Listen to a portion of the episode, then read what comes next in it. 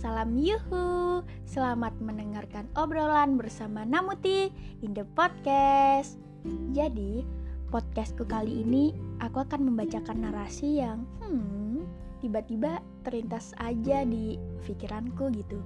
Oke langsung aja ya. Jadi judul narasi ini adalah Sepeda Merah. Hai Sudah lama aku tak melihatmu.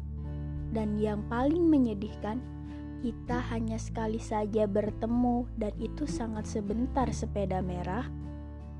Pemilikmu adalah orang yang pernah kuanggap spesial dan dia juga yang buat aku paham, oh ini ya rasa cinta itu.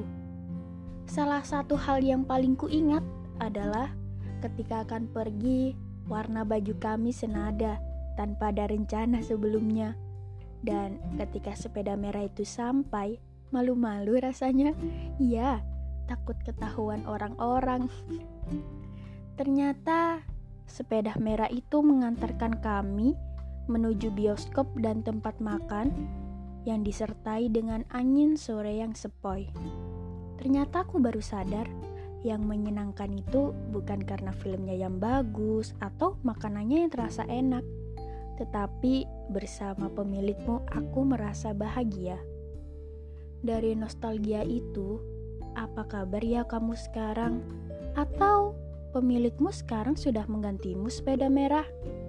Ya, kalau kamu sudah diganti oleh pemilikmu, aku sangat sedih sekarang karena kamu adalah salah satu alasanku tidak ingin melupakan hari itu.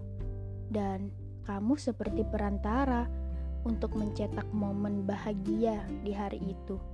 Iya, Hari itu penuh dengan rasa yang belum aku rasakan sebelumnya, dan aku bersyukur atas itu.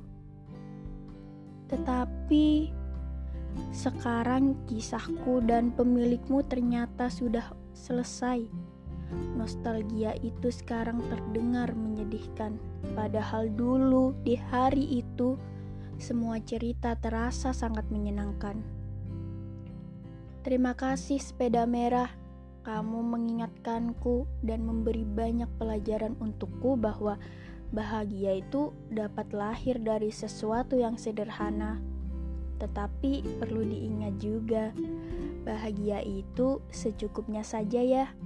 Karena hidup bukan hanya tentang hal yang indah saja, tetapi hal yang pahit terkadang hadir untuk menyadarkan bahwa bahagia sifatnya tidak abadi.